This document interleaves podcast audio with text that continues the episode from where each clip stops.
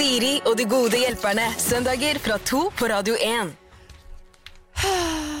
Kjære podkast. det, var- det var ikke et sånn oppgitt sukk, det var et sånn lykkesukk. Ja, for vi er akkurat ferdig Ja. med innspilling. Ja. Ja. Det har vært uh, intenst. uh, Odd Magnus Williamson og Else Kåss Furuseth. Det er jo ikke noe vits å late som om ikke vi kjenner hverandre. Både du og jeg kjenner jo Odda og Else Ja. godt.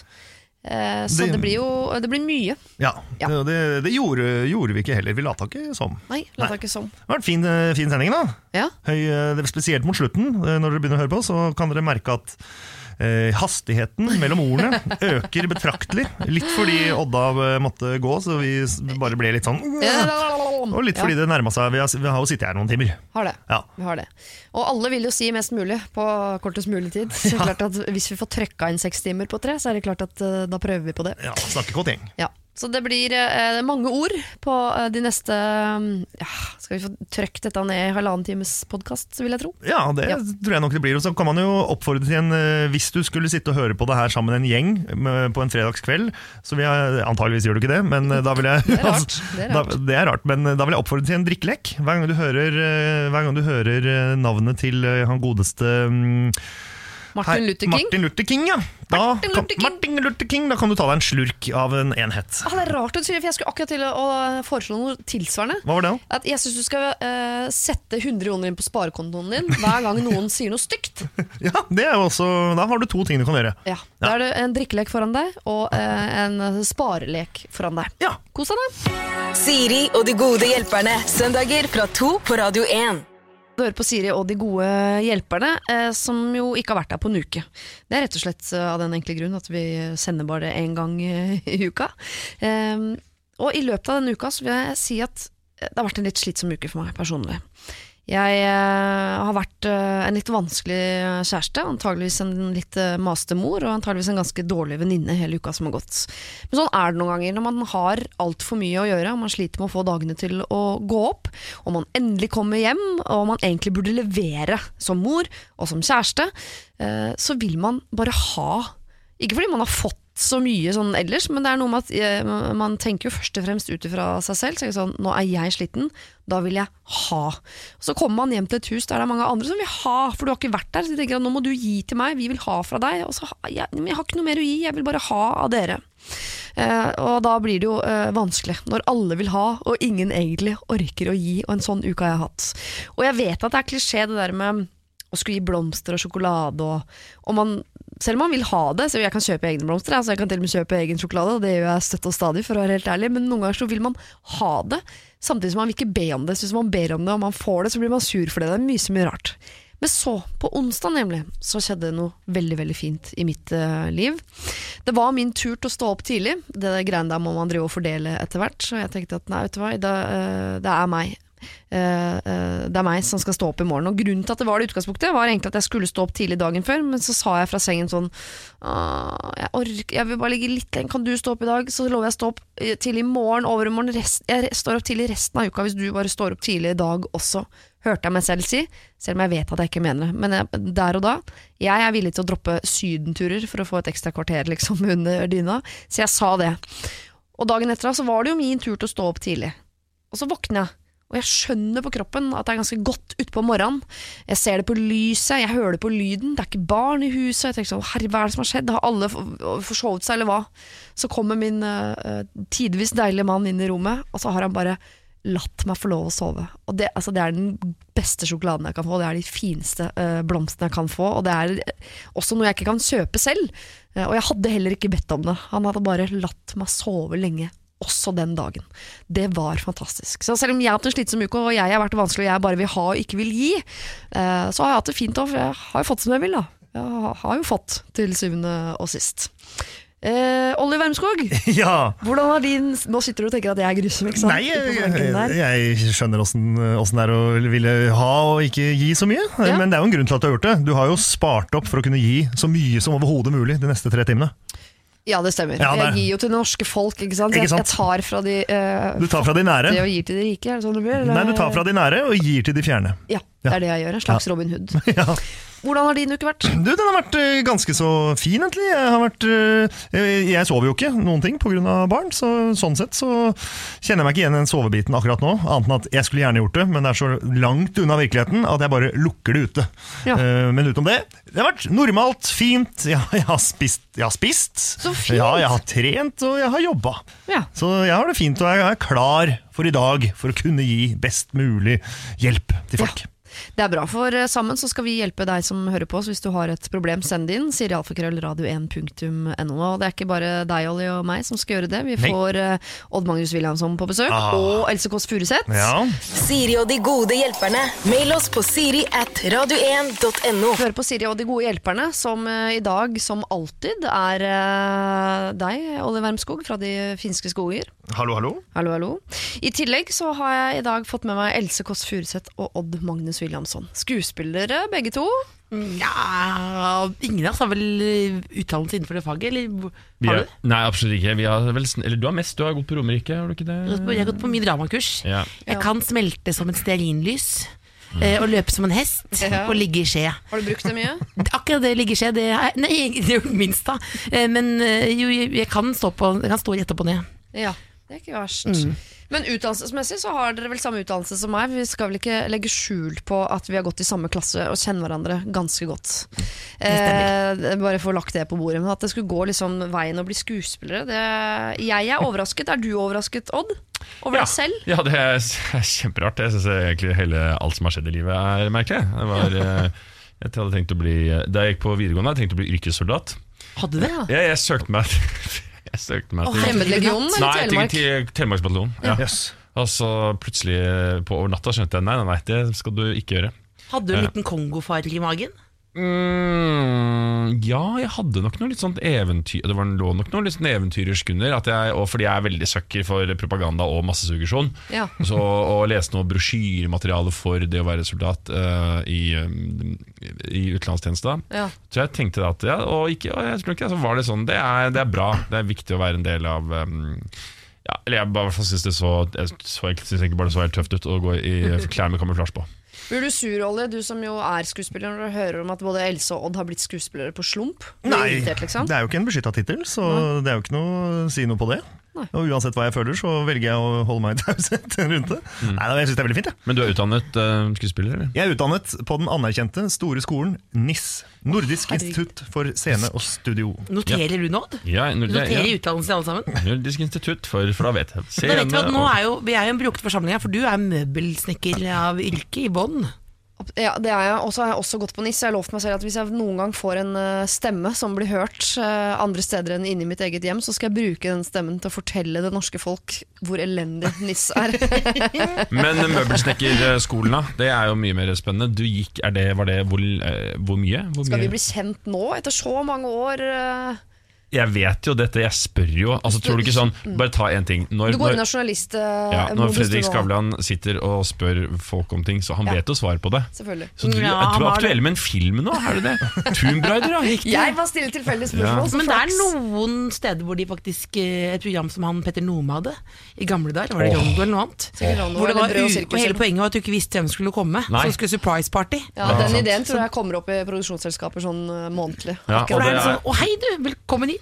Hvem er du? det er vel alltid en fyr som tar opp denne ideen, en ung type, sånn 23, med snusleppe. Er det ikke bare fett at bare det kommer noen som ikke veit hvem det er, da? Bare Det er Da stiller du de spørsmål som Ja. folk lurer på, liksom. Bare, Halla, para, hva, faen, hva skjer da? Er, ja, er, det, går, er det mye om det, eller? Ja, det er det. Det er for å få minst mulig å gjøre òg, da. Så du bare kan liksom sånn Vi tar eh, han, og så får du inn eh, han eller henne fra gata, og så er det liksom bare Ja. enkel, eh, enkel journalistikk. Litt av, Ja. som, litt, av, litt av det samme premisset som for Siri og de gode hjelperne. Altså. Ja, Du bare tar det er litt det. Bare ja. møter opp og så durer på, rett og slett. Dere, jeg håper dere har hatt en problemfri uke. Det har ikke Ja. norske, det har ikke norske folk. Hvis du har problemer, Else, så, du, så kan vi hjelpe deg også. Da må du bare si fra. Må jeg sende? Hvor kjenner jeg det inn? Ja, nei, du kan få en. Jeg kan rydde bort et problem. Jeg skjønner, jeg skjønner. Eh, hvis du vil eh, være med og få hjelp av Else og Odd, eller på et eller annet senere tidspunkt her i dette programmet, så send det inn. Siri alfakrøll radio1.no. Siri og de gode hjelperne. Siri og de gode hjelperne i dag består av Olli Wermskog som vanlig, eh, Odd Magnus Williamson og Else Kåss Furuseth. Vi skal ta et problem som har kommet inn fra Knut. Han skriver Hei, jeg er en gutt på 25 år. Jeg har nettopp flyttet inn i egen leilighet i Bergen. Dette er første gang jeg bor alene, og jeg har ingenting annet enn de få eiendelene jeg har fått plass til i en bag. Jeg har en kjæreste. Hun bor foreløpig på Sørlandet, men det ligger litt i kortet at hun flytter inn sammen med meg etter hvert. Hun er fra Bergen. Vi har ikke vært sammen lenge nok til at jeg føler jeg kan spørre om dem, eh, og jeg har ingen tanker om interiør selv. Jeg kan godt kjøpe masse ræl, jeg er på en billig butikk, men jeg vet jo at alt dette må erstattes i det øyeblikket hun flytter inn. Hun vet hva hun liker, og hun setter pris på kvalitet. Så skal jeg involvere henne i denne prosessen, og i så fall til hvilken grad? Eh, Skal jeg motta tips? Skal hun få ha veto? Skal hun bidra økonomisk? Og så videre. Oi, oi, oi. Odd Oi, Magnus. Williamson, du har jo akkurat flyttet fra leilighet til eh, hus. Eh, Er det noen som har veto på interiøret hos dere, eller? Ja, helt 100% klart. Ja. Det, er, det veto ligger hos kone. ja. Kone bestemmer absolutt alt. Gjør hun det? Ja, helt 100% Hun bestemmer alt. Og det er, jeg lar henne få lov til å bestemme alt, selv om jeg noen ganger er uenig også. Så sier jeg du, kan, du skal få bestemme absolutt alt. Ja. Og jeg betaler for mesteparten av det. Ned til hver minste detalj. Ja, vil jeg si. Ganske godt ned til hver minste detalj. Eh, Fordi Er det kjærlighet, eller er det bare fordi du ikke orker fly under radaren-behovet? Nei, det, er, det handler om Det er liksom noe, det er noen ting at eh, det er Fordelingen av arbeidsoppgaver og sånt nå, at det er du kjempeflink på. Ja. Så det fikser, det fikser du. Men det ligger jo i en sånn um, eh, Det ligger jo da I det så ligger det jo da at du må på en måte også fikse alt rundt, da. Hvis det er liksom snakk om håndverkerting, som skal inn og fikse ting og sånt nå, så må du ordne alt. Men det er egentlig mest det. At det er litt sånn du må være entreprenør også, Liksom. Ja, du må være litt Du har på entreprenør en måte også. kjøpt deg en tjeneste, nesten. Du, på en måte. På en måte. så føler En jeg det butler hjemme hos deg at, at det er eh, Jeg syns det er litt eh, Jeg synes det er kjedelig, og så er jeg fargesvak og ikke noe flink på det. Nei. Så det er egentlig Det kan jeg bare skrive sånn- under på. Så jeg tenker sånn Med mindre du har altså, Og så vet jeg at hun setter enormt pris på det, og får lov til å være den som får- Hun er, hun er kjempestolt og får plukke ut det fliset. Det syns hun er skikkelig gøy. Ja. Jeg bryr meg jo ikke. Men dere er jo gift, og det er litt sånn mer etablert. Knut her er jo, han er ikke singel, vil jeg påstå, men han bor foreløpig alene. Så å ta det hensynet nå er jo litt Altså, Det er litt koselig òg, da. Ja. han, øh, hvis han tar og prater litt med denne dama og sier sånn Jeg ser for meg en fremtid med oss to. Jeg tenker jo at øh, du flytter inn her en eller annen dag. Foreløpig så bare chiller vi og har det fint sånn som vi har det. Men øh, hva om du hjelper litt til med Jeg skal kjøpe litt nye møbler og litt nye ting. Kanskje du har lyst til å bli med og kjøpe? Bare være rett fram og si det. Og så kanskje legge bort det vi spleiser ikke på sofaen, liksom. Han må stå for betalinga, ettersom han bor der. Man vet jo hvordan det går. Nei. Men det er jo en fin, fin ting. å bare si, være ærlig på Ja, det kan jo være veldig eh, Kan være voldsomt. Kan være voldsomt også, De gangene det har aldri skjedd. Men jeg skjønner jo at sånn som du Odd får tips av kona di, for jeg har jo bodd sammen med deg før. Og du, du hadde jo en veldig sånn kollektiv stil. Altså, Du hadde en sånn lenestol du ble gjort stående. Så du, Det er godt å få, få råd, men jeg tenker hvis du gir råd, eh, så bør du kanskje være med å betale litt òg, og du mener at hun jenta burde være med? For jeg tenker øh, Han kan jo heller si jeg kjøper det jeg absolutt trenger. og Hvis jeg så at du har et behov for noen fine lysestaker, eller at du har litt sånn nestebehov, som en del jenter har, så må du gjerne plassere det hos meg. Hvis du, ikke, liksom, altså, du må allerede nå få lov til å fylle på med ting her, hvis du vil. Men hvis nå eh, dette her kanskje ikke varer, da. Jeg har en følelse at dette forholdet kommer til å ta slutt. I løpet av eh, Hvordan kan du se det nå? Jeg bare merker det. Jeg merker litt på tonen og alt i eh, Det er, litt- det er ikke nødvendigvis hva han sier, men det er hva han ikke sier. Nei, mener du det? Ja, Dette kommer nok ikke til å vare noe særlig mer enn to år. Det er jeg ganske sikker på. mener du det? Det er helt sikker på. Men det som er veldig smooth da, er jeg syns at eh, Hva heter han for noe, Knut? Skal betale for alt. Uh, si nå eh, Jeg vil at du jeg vil at du skal rede dette her til ditt hjem, sånn at du gjør det så fint du bare kan. Og så uh, henter du inn interiørarkitekter og folk som får bra tips, og så kjøper de billige tingene. Eller får hun til å kjøpe de billige tingene på IKEA. Og når det nå da blir slutt om eh, la oss si halvannet år, to år, to og et halvt, altså bruker sikkert seks måneder på å tørre å, å mobilisere til å slå opp, så har jo du betalt for alt. Og da, altså, da kan ikke hun si ja, men dette er mitt. Nei, du plukka det ut. Jeg, leiligheten skal være akkurat sånn som den er. Flytt ut. Jeg har fått en gratis interiørarkitekt. Jeg har betalt for alt sammen. Det er perfekt. Men ta vare på kvitteringen, Knut. Før et nøye regnskap. Bare ha det svart på hvitt. Sånn at når dagen kommer, så, kan hun, så kaster du det fort. Så slipper du da å krangle om ikke del ting, bare betale for alt og kaste den ut. Det er deilig å starte litt grann eh, kynisk eh, her i Siri og de gode hjelperne i dag. Pass på kvitteringer, det er et veldig konkret tips. La henne være med i prosessen på eh, hvilke ting som er fint og ikke fint. Bruk henne rett og slett Bruk henne, det blir rart å skulle sitte og si, men benytt henne som en slags interiørarkitekt. La henne være med liksom, på en del avgjørelser. For da blir det lettere henne- å være singel etterpå. Ja, ja, for å treffe nye damer. ja, hold henne utenfor det økonomiske, og eh, ikke igjen henne 100 veto heller. I hvert fall ikke når det kommer til økonomi. Siri og de gode hjelperne. Mail oss på siri at radio1.no. Vi skal over til uh, flørting. Eh, der vet jeg du er eh, god. Eh, nå ser jeg på dere begge to, Else og Odd, og dere er nysgjerrig på hvor blikket skal stoppe. Stoppe på deg, Odd. Der er du ganske god på flørting. Ja, Men Odd er jo nesten som en er. Ja, men Odd er jo nesten som en overgriper. Altså, det var jo to-tre år der hvor Odd Magnus Wilhelmsson gikk rundt og latet som han var jordmor Ja, eh, for å få sympati hos damene. Nei, ikke si det. Ja, men det, er jo- jeg er jordmor, og det er jordfar. Og det fungerte jo. Mens jeg er jo Fy faen, det har jeg glemt. Ja, Men jeg er i andre enden, da. For jeg har lest, jeg har lest, eh, jeg har lest at man skal være mystisk. Og da, En gang nå så var det en på byen som trodde at jeg hadde fått slag. Ja. Fordi jeg satt og prøvde å være mystisk i hjørnet, og da så jeg veldig muggen ut. Sliten ut, rett og slett. Det var min flørting. Det var din flørting. Da vet jeg ikke eh, hvor mye du har å bidra med akkurat eh, her. Men det kan, nei, det kan jo hende du har noen tanker om det. Kanskje jeg kan lære litt. ja, om ikke annet. Kjære Siri og de gode hjelperne. Jeg trenger hjelp. Jeg har flyttet til Danmark for å studere og bor i en studenthybel alene. Hybelen har store vinduer fra gulv til tak, noe som i utgangspunktet har vært litt plagsomt, ettersom eh, jeg er i overkant eh, glad i kombinasjon musikk, dansing og lett bekledning. Men for noen dager siden da jeg tittet ut av vinduet og over på felleskjøkkenet, så så jeg den flotteste mannerumpa tilhørende en kjekk student. Jeg sto tilfeldigvis og hang litt ved vinduet og fikk etter hvert øyekontakt, og vi smilte. Utover kvelden så jeg opp mot leiligheten hans, som er rett overfor min, og vi fikk enda mer kontakt. Mer smiling, litt latter osv. Dere skjønner greia. Altså vindusflørting. Tidligere har han alltid hatt gardinen igjen, men nå, nå er de alltid åpne. Siden det har det foregått mye vindusflørting. Så over til spørsmålet. Hvordan i all verden går man fra vindusflørting til mer normal flørting, eventuell kontakt? Aller først, Ja. eh, bare, er du sikker på at han flørter med deg? Ja, det tenkte jeg også på. Det, Eh, For det, ja, dette er en klassisk Beklager, jeg må spole tilbake til Sex and the City, sesong 3 der. Miranda eh, har en ganske heftig flørt eh, med en fyr over. Ja. Mens han over har en flørt med hun over henne igjen. ja. Ja, du må komme deg over i den andre leiligheten, altså på andre bygården, eller hvor, det, hvor den er, og, og se eh, mot deg selv åssen det ser ut.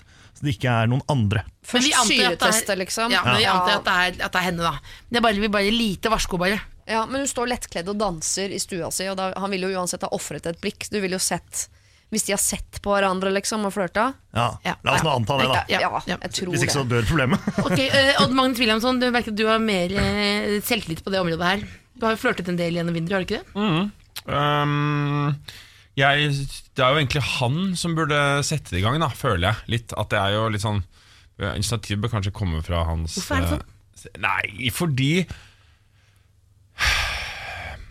fordi, fordi oppi alt som heter kjønnskalibrering i samfunnet, og alt som handler om likestilling og lik lønn og sånt nå, så syns jeg det er fint at, å ta vare på, mm, på det som heter liksom gentleman-begrepet, liksom. Det, Ja. Han må gå er- litt i krigen for henne, på en måte. Ja, litt. Bitte litt. Er du litt Um, på Ace of Base, uh, You're the Hunter, I'm the Fox Ja, her nå? rett og slett akkurat det. Ja. Ja. Nei, ja, eh, men, men, eh, men hvis Å, han man må på på den! Er god. Den er god. Jeg, jeg, tar, jeg tar det tilbake. Det er, begge, begge skal få lov til å flørte, men uh, uh, Men hvordan går man? For jeg kan skjønne sånn, Det er jo akkurat som man er på hils med noen man syns er hyggelig, og så har man lyst til å få det over til noe mer konkret. Man har lyst til å få hilsen til å bli kaffe, kaffen til å bli knulling. ikke sant? Ja. Man vil ta Oi. de der. ja. Her er et konkret råd. Ja. Følg med når denne personen kler på seg klær, Mm. sånn at du kan gjøre det samme, for da antageligvis skal personen ut. Kanskje dra utgang ytterdør mot hverandre, sånn at dere kan time dette her, eh, gå ut og faktisk møte hverandre i det virkelige liv uh, på en lettere måte enn en god gammeldags uh, med lapper og en telefonnummer. Ja, det, og, det, På det den tenkte jeg- jeg- Jeg ville ta den andre som du tok bort nå. Jeg, Du vil ha den, ja? jeg tenkte bare, Hvorfor ikke kjøre klassisk Love Actually-greier? Kjøre en sånn en, Har ikke sett altså, filmen, jeg beklager. Seriøst? Ja, jeg er veldig stolt av det. Men- Derfor sier jeg det er du så stolt ofte som over det, mulig. liksom? Ja, har du sett, gøy. Det har du sett Titanic? Det er, Titanic har sett. det er noe, å ha på, ha på gravstenen sin. Ja, har ikke sett Så Love ikke Actually. Love Actually. Nei. herregud. Døde for tidlig. Skulle vært, skulle vært kremert, så ikke Love Men Actually. fall, da er det en mann, da. Du forklarer, skjønner jo konseptet med lapper, ikke sant? Ja, er det Hugh? Nei, det er mann, ikke Hugh. Ikke si Hugh. Hugh heter han. Hugh. Hugh. Men da Han ble helt provosert. Åh. Men han ringer på, og så kommer han med lapper hvor det står beskjeder, ikke sant? Oh, ja. at, uh, at, hun, uh, at han elsker henne. Men du tenker da Ja. i vinduet? I vinduet. Det går ikke an å bare skrive rett med ikke kritt, men sånn, sånn snøspray? Du kan gjøre det, men det setter seg ofte spor. Skrive Du kan skrive 'Runk og pul, i jul'. Nei, nummeret sitt, da, for oh, ja. eksempel. Ja. Du må ikke gå rett i det. Det, det, Det, det, det, da mellomting. Å ja, finnes, å ja, jeg, jeg glemmer at man har det dimmere. Jeg tenker bare bryter, jeg. Jeg er jordmor, og så nummer under. Men kan jeg få kaste noe? Ja. Jeg har egentlig bare et, eh, et, et, et råd. ja. En veldig effektiv og rask, men allikevel flott lita tittflash av henne. ja. Veldig sånn fort. Så er det på en måte Så, så har vi, setter vi, så er vi i gang med neste skritt. Da er lista lagt, liksom. Ja, er vi, vi vet jo hvor vi skal. Jeg er fortsatt på vindusflørting da. Ja Men du er next level of it. ja, men da blir det vanskelig å møtes i real life, da, fordi jeg har tidsflasha. Hør nå, Else, nå skal du være stille, for nå skal jeg prate. Nå skal jeg si noe viktig. Ja. Dette er, uh, Hvis du tenker på liksom flørten og the seducement uh, Ja. At man kan, man kan overføre dette her Det handler om Hvis du skal bli, bli eh, liksom, eh, flørte noen, eller sjekke opp noen, da Ja. så, kan man, så handler det om tre forskjellige steder du kan ta på kroppen. Første sone én, to og tre. Første sonen, hvis du møter noen du aldri har kjent før, så er det viktig å fort begynne å ta Da har du lov til å ta på armer og sånt. Nå, tar du på skuldre og sånn. Så kan du holde på med det en stund. Neste da, etter at du liksom blir kjent med det, er jo da korsrygg. Det er sone to. Ja. Holde på korsrygg, litt mer sånn Oi! Ja. Og så er det selvfølgelig sone tre som er liksom på lår og innside og sånt. Og du må liksom, du må myke, du må, du må, du må liksom smoothe deg inn i det. At jeg tror For nå har de nå eh, hatt øyekontakt, og da Ja. er det brystkontakt. Neste nå er noe litt sånn pirrende, og det er veldig i hvert fall som fra et perspektiv, eh, mann, hvis jeg hadde vært litt sånn småflørting og en eller annen litt uh, søt chica eh, der som jeg hadde vært singel, vil jeg merke, hadde liksom tatt en sånn veldig rask flashtitt, flashtitt flish, Ja. Hva heter det for noe? Flishtat. Flashtitt! Og forsvunnet. Ja. Superhot. Og så kan du ta- og veldig søtt. Ja, og så kan du ta, deg en Veldig liten dansk rask, også. ja, ta en rask tur ned på danske Europris, kjøpe deg noen røde lyspærer, og så har du en liten eh, Red Light District eh, der. Og da- Mini eh, og Red det- Light District. Det vil jeg si, pass på, pass på en halvhæl, altså. altså Fordi at eh, Hvis han tar bilde av deg mens du gjør det, da Ops. Men nå skal du, må du Nakenbilde huske på nett det. resten av livet. Det er Men det lever man godt med. Det har jeg faktisk. Ja. Ja. Eh, det nevnes her, kjære eh, vindustitter, at du kan eh, dra eh, vindusflørtingen til the next level. Altså Vi er over på korsryggflørting eh, her. Ja. Eh, men neste level der igjen er jo å møtes i det ekte liv. Nei, nei, nei, nei, nei, nei. Det er jo øh, fingring slash runking øh, til hverandre. Men det, Ja, hvis dere skal jeg. møtes i det virkelige liv, så må dere jo møtes ute, på en måte. Eh, Dere er jo i hver deres leilighet, så jeg syns det er veldig lurt som du sier, Olli. Når han tar på seg jakka, så det tar du på deg jakka, ikke sant. Da er det jo, eh, hvis det er rett etter dette tittflashinga, så har du ikke noe under, men drit i det. Ja. Og så går dere ut og så møtes på eh, den lokale Kiwi, og da tipper jeg at det er eh, han som kommer til å ta tak i nettopp dette. Hvis du har et problem, send det inn, sier alfakrøllradio1.no. Tenk, naboene ser det også. Lokale Ja, kan kiwi. hende du får masse kjærester på det lokale Kiwi. Så det kan godt hende.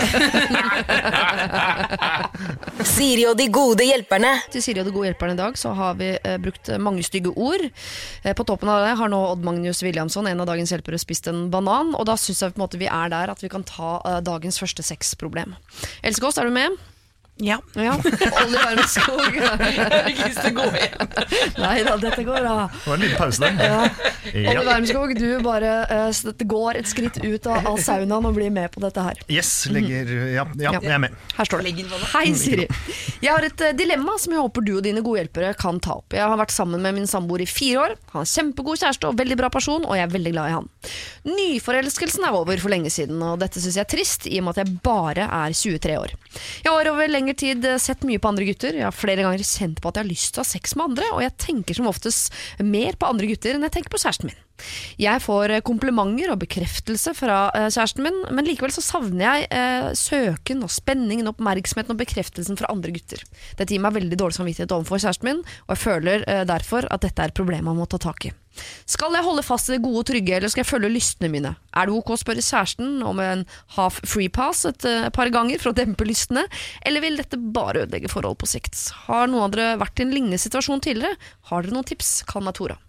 Alle har vært i Ja. en lignende situasjon. Ikke alle. Eller jeg har vært i forhold med meg sjøl nå i mange år, det begynner å bli lei. Da har du vært i lignende Nei, med andre. Nei, men uh, half and half. Ja, Er half pizza? Half Free half? pass? Nei, half free pass. Det vil jo si sånn Kan jeg få, en, uh, kan jeg få lov til å ligge med en annen bare for å dempe Jo, men det er half. Er ikke det bare at hun er hypp på å bli flørta med og få bekreftelse? Ja, kanskje det. Jeg har aldri hørt om disse free passene, men uh... Det høres ut som det, det vil jo jeg eh, Min påstand er at det er sunt å flørte litt, eh, flørte litt rundt. ja. Så må man stoppe det før det eventuelt skjer noe alvorlig. Men både for å få litt utløp for ting og bekreftelse på ting. Jeg tror det bare er fint det, hvis du er ute på byen eller hvor enn du er, og flørte litt. Flørte litt, ja. Jeg har ja. veldig mye luft som har falt ut. Unnskyld. Det går veldig Rumler i bra. magen når vi snakker om flørting. Men det spør man jo ikke om tillatelse til. Nei, det- Kan jeg få lov å å ha litt god stemning ute på byen i dag, eller skal jeg sitte og være Nei, det, pottesur i et hjørne? det gjør det Altså, bare, og så ja. er det greit, tenker jeg. Men er det ikke, det er jo veldig sånn barneskole å si da, men kanskje skal man ikke begynne å adressere det til partneren på en måte, for det må vel være lite på hjemmebane, eller? Altså, når man, når man begynner å, eller er det vanlig at man går og er litt, hvordan er det, Odd? Jeg venter på et svar fra deg.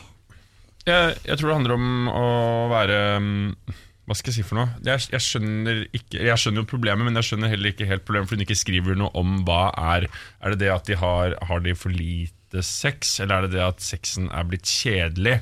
Hvis det er tilfellet at det er, at det er for lite frekvens av det, så må de jo ta ansvar for det begge to og prøve å få opp frekvensen. da bare Ja. liksom, fordi da får man jo liksom Jo mer du, jo mer du ligger, jo bedre er det, jo mindre tenker du på andre ting.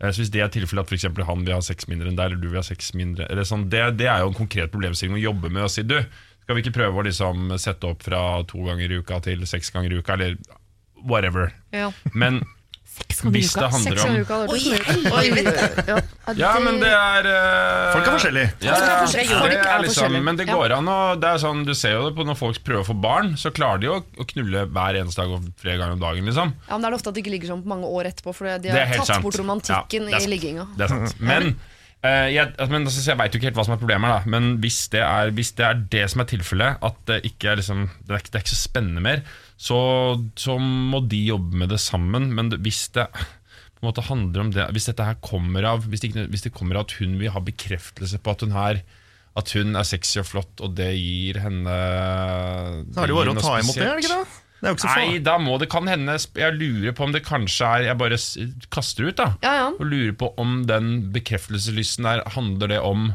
Noe eh, Og er veldig, Kanskje overanalyserer veldig her, men enkelte søker jo eh, egenverd og bekreftelse gjennom seksu, altså både promiskusitet og sånt. nå. For hvis du har drag på damene, hvis du har drag på dudes, hvis du får masse oppmerksomhet, så henter du liksom inn selvtillit på det området. Og Ja. hvis det er det man driver med, så er ikke det så. Da finnes det andre måter å på en måte ordne opp med det. Det vil være ødeleggende for deg i mange parforhold fremover og fremover og fremover i tid. da For dette vil jo alltid dukke opp på et eller annet tidspunkt. liksom Jeg tenker at eh, Man burde jo rydde opp hjemme før man begynner å finne løsninger eh, eksternt. Ja, altså, man må jo søke interne løsninger før man søker interne, eh, eksterne. Så det er jo fint å, å prøve å ligge mer med typen sin. men hvis ikke det Rollespill? Ja, kanskje rollespill. At man jobber litt hjemme, liksom. For å få men, Og litt av runde hos to-tre raske runder hos en god psykolog og bare liksom kartlegge er det Må meg eller er det han. Men må det prate med en gang? Kan man Ja, Det, det fins jo, for å dra det litt lenger, da så fin, Ja, Det kan man sikkert også gå til, men det fins jo også en mulighet for at det hun sier, er at hun egentlig har lyst å ligge med andre, kanskje involvere noen i forholdet. Jeg, har, jeg har både venner og bekjente i forhold som jeg kjenner begge parter, og som jeg bare kjenner én part, som har åpne og semiåpne forhold. Både sånn utlandet er lov. Ja, det er sånn ikke, ikke greit i Norge. Utlandet er lov. Da Utlandet er hadde lov, det blitt lite Ja. gutteturer på lokføreren. Si når du sier meget kort. du kjenner noen, snakker du nå egentlig noe om deg selv? Nei, er det sånn nei, en jeg- kompis i militæret som egentlig er deg sjøl, på en måte? Eh, Det, det kunne jeg fort gjort, og prøvd å snu, snu meg unna på den måten, men eh, da, det hadde jeg sagt. Såpass åpen tror jeg faktisk jeg hadde vært. Men, eh, men eh, det, det gjelder ikke meg, men jeg, det er jo en mulighet å Det kan sjekke, sjekke landskapet, hvis det er det du vil. Men kanskje det beste Tora, eller kanskje det vi bare skal si til Tora avslutningsvis her, er at Tora, hvis du rett og slett tar opp dette med partneren din, så blir du nødt til å finne ut av det på en eller annen måte. Om løsningen da blir at dere eh, tar får opp hyppigheten eh, inne i huset, altså dere imellom, om dere bringer inn en, inn en tredjepart i forholdet, eller om du får dette half-passet ditt, eller at bare det å snakke om det skaper så mye eh, eh, drama mellom dere at du plutselig syns det er gøy å være sammen med han igjen, eller at det skaper så mye drama at det blir slutt mellom dere, det vet vi ikke. Men jeg er ganske sikker på at bare det å ta opp dette med han, vil trigge et eller annet som skaper et eller annet, som til syvende og sist gjør at du enten får ligget mer med han, eller mer med noen andre.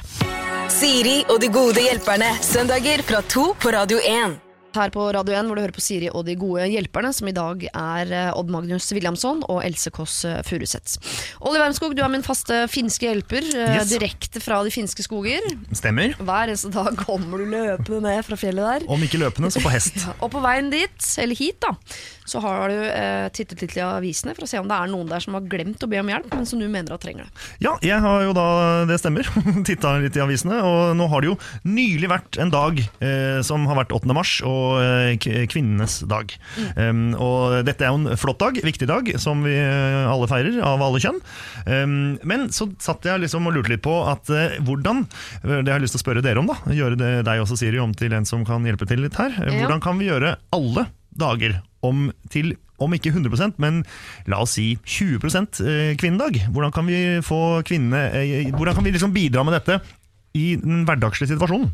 Og dette er sånn typisk spørsmål som blir stilt på slutten av et seminar. Sånn, sånn, ja, nå har vi jo vært her på Bolkesjø i 48 timer og jobba hardt. Hvordan skal vi klare å, å hva de, tar, de bruker noen ord, transformere dette til å, å bli en del av uh, jobben vår når vi kommer tilbake, folkens? Ja, så det, så det er rett og slett det, det, er den rollen jeg velger å ta. Tampen av kickoffet kommer det andre store, vanskelige spørsmålet. Ja. Ja.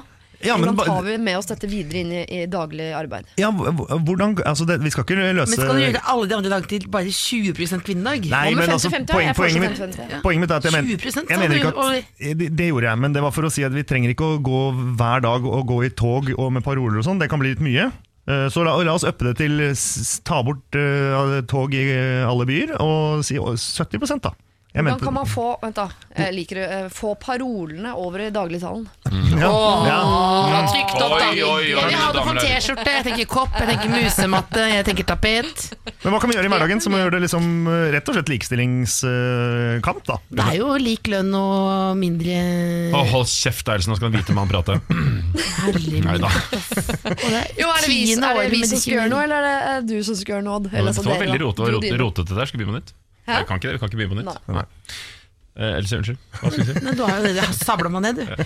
Eh, Og da bekreftet du nå at vi trenger nettopp mer kvinnedager. Ja. Nei, men Det du etterlyser, Olli, er jo det er jo vel mer like rettigheter for alle hver dag. Ja, for er ikke det som er, heter politikk, da? Politisk arbeid?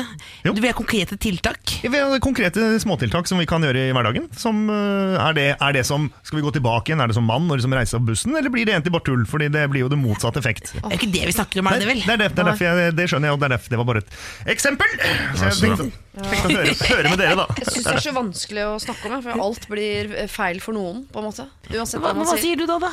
Uten Jeg- å måtte sabla ned? Og jeg, jeg sier, for å sitere, en, eh, for å sitere Martin Luther King um, I have a dream. Nei. We, dette, er, dette er noe alvorlig. We will uh, not remember the voices of our enemies, but the silence of our friends. Det tror jeg er viktig når det kommer til kvinnekamp. At, det er, at menn må ha hovedoppgaven for å sørge for den, de små tingene. Og menn må tørre å være nerds og, og upopulære og dumme og si fra. Uh, og, og være snerpete. Og liksom sånn, og være, det er ingen som har lyst til å være partypooper og si fra til noen at du vet hva, det, det der syns jeg var tåpelig. Det der synes jeg var flåsete sagt, eller det der syns jeg var tåpelig gjort. Eller et eller annet sånt noe. Men man må tørre, hvis man er vitne til de små tingene eh, så man er sånn, Når man får den lille følelsen i magen at Nei, det der var litt ukult, liksom. Så må man tørre å være modig nok og, mm, til å si ifra. Og det er ikke så lett. Er, altså, du ser jo liksom både autoritære menn både innenfor idrett og sport og overalt. Folk som man skulle tro du må være Hvorfor har ikke du stoppet dette? Eller sagt fra? Det er kjempevanskelig. Og det kommer ikke nødvendigvis at folk er feige, men at de er veldig redd for å være liksom snerpete og, og sånn, sånne Jålete på det? eh, Nerds, ja, jålete på det, liksom. Mens det krever, det krever nok virkelig at, um, at uh, bra, bra dudes og menn sier ifra om små ting, da. Mm. Så at, man sakte, at det sakte, men sikkert bare forsvinner. Men vi kan si ifra, vi uh, jenter òg, eller? Jo, men uh, si ifra når de ikke står og lager mat, da. Til oss. Sier du fra, Else? Er du sånn som sier fra? Mm, jeg, jeg, jeg, eh, litt grann. Eh, altså, som du hørte nå, det er mer og mer for hvert år som går. Ja. Eh, så sier jeg fra mer og mer. Men jeg tenker jo at det handler jo litt om at kvinner må være sånn solidariske med hverandre også, da. Altså Det er jo veldig sånn kampstemning den 8. mars, liksom. Men så tenker jeg at man kan jo være rause og gode mot hverandre. Og så det høres ut som klisjé ut, som dobbeltreklame. Rause og gode mot hverandre, men at man tar vare på hverandre liksom Ja, men de andre dagene også, da. Og det handler ikke bare om å stå i, i bresjen og kjempe på vegne av andre, men også å se så skal jeg si se nabokona, men altså, hva har skjedd med meg nå? Jeg har fått en liten gro i magen her nå. Ja, ja, det men altså, gro, ja, ja. Deilig. Men eh, altså, se hverandre, da. Og så tørre å, å stille opp for hverandre. Det, er ikke, det kan jeg bli mye, mye mye bedre på, faktisk. Jeg syns du er gode. Jeg skal, jeg, jeg vil benytte anledningen til å si én ting. Ja, gjør det. Som jeg er opptatt av uansett hva kampen er, om det er kvinnekamp eller uh, metoo eller hvilken kamp det er når man eh, holder på med. Det er de som skal alltid representere den andre stemmen. Det er noe av det mest provoserende jeg vet om. Skal si sånn, eh, som ikke har opplevd problemer på kroppen, og vil gjerne si fra om det for å si fra at det fins også en annen side av problemet. Sånn. Men nå, da får du gå inn i et annet rom og starte din egen kampanje og snakke om det. For det er ikke det vi, vi Den stemmen trengs ikke. Hvert eneste år er en eller annen kvinne som sier Jeg har ikke sånn Hva med mannen, da? Sånn, vet du? Start din egen kamp i et annet rom, ha ditt høl. Jeg det orker jeg ikke. Det er ikke den stemmen vi trenger akkurat nå. Siri og de gode hjelperne. Søndager fra to på Radio 1. I dag eh, Olli, så har vi med oss eh, Odd Magnus Williamson og Else Kåss eh, Furuseth, som er eh, gode gamle kompiser, hvis det er lov å poengtere det. Eh, bare gode venner. Anstrengt latter eh, der. Vi skal prøve å hjelpe en som heter Sigrid på toppen av det hele. Sigrid Men det er, ikke, det er ikke deres Sigrid Bonde Tusvik. Det fins flere er Sigrid det hun ute. artist? Det kan ikke være ikke artisten heller? Nei, ikke Råbe heller, tror jeg. Nei. Jeg tror ikke det. Hun skriver Hei, for tre uker siden gjorde kjæresten min det slutt med meg. Vi hadde vært sammen i litt over to år og har vært venner siden vi gikk på videregående. Vi hadde et kjempefint forhold med veldig mye åpenhet, kjærlighet og varme. Men nå er det altså slutt. Det er viktig for meg å presisere at han var verdens mest lojale og snille type, og at jeg ikke er en naiv 20-åring som ikke har vært ute en vinternatt før. Men problemet er, han har opplevd ting i livet sitt som er tungt, og har aldri deala helt med det. Han gjorde det derfor slutt fordi han måtte få tråkke sin egen sti og være alene og deale med sitt uten å måtte tenke på hva jeg måtte mene og føle og tenke på veien. Men han har også sagt til meg, og til de nære rundt seg, at han vil at det er jeg som skal bli kona hans og moren til hans barn en dag. At han elsker meg, men at dette er noe han må gjøre for seg selv. Jeg er så stolt for at han endelig setter seg selv først, og jeg er villig til å gi han tid og rom og mulighet til å vokse på egen hånd. For det er ingen jeg unner det mer enn han. Men burde jeg det? spør Sigrid. Du har vel egentlig ikke noe valg, da, Sigrid? Så romantisk. Han har jo tatt valget, men det blir for uro i jo i magen med en gang. Fordi når han som skal være fri og finne ut av ting, som jeg tror sikkert er helt reelt, han hadde ikke gjort det hvis han ikke måtte, men også at hun skal vente, da, da det bør være en holdbarhetsdato på den pausen der. Ja. Kan, kan, ikke det? kan ikke hun gjøre litt det samme? Være fri og holde på, så hvis eh, universet vil, så finner de hverandre igjen? Men hvis hun bare tenker på han, da. ja, det er jo slitsomt, selvfølgelig. Men, mm, Men gjør man ikke det inntil uh, det kommer noe i veien som forstyrrer, som gjør at du ikke klarer lenger? Altså, hun kan godt ha intensjonen om at nå skal jeg sitte her på denne uh, pinnestolen og tenke på han helt til han er klar for å ta meg tilbake. Men så kommer jo Kenneth gående forbi på et eller annet tidspunkt. jo Og gjør Kenneth. han ikke det, så gjør han ikke det. Ikke, jeg mener ikke at du trenger å logge deg på Tinder og aktivt søke ny kjæreste fra dag én, men bare vær vanlig menneske og dukker det opp en Kenneth, så gjør du det, liksom. Ja. Men, men hvor er Kenneth, holdt jeg på å si? Nei hva?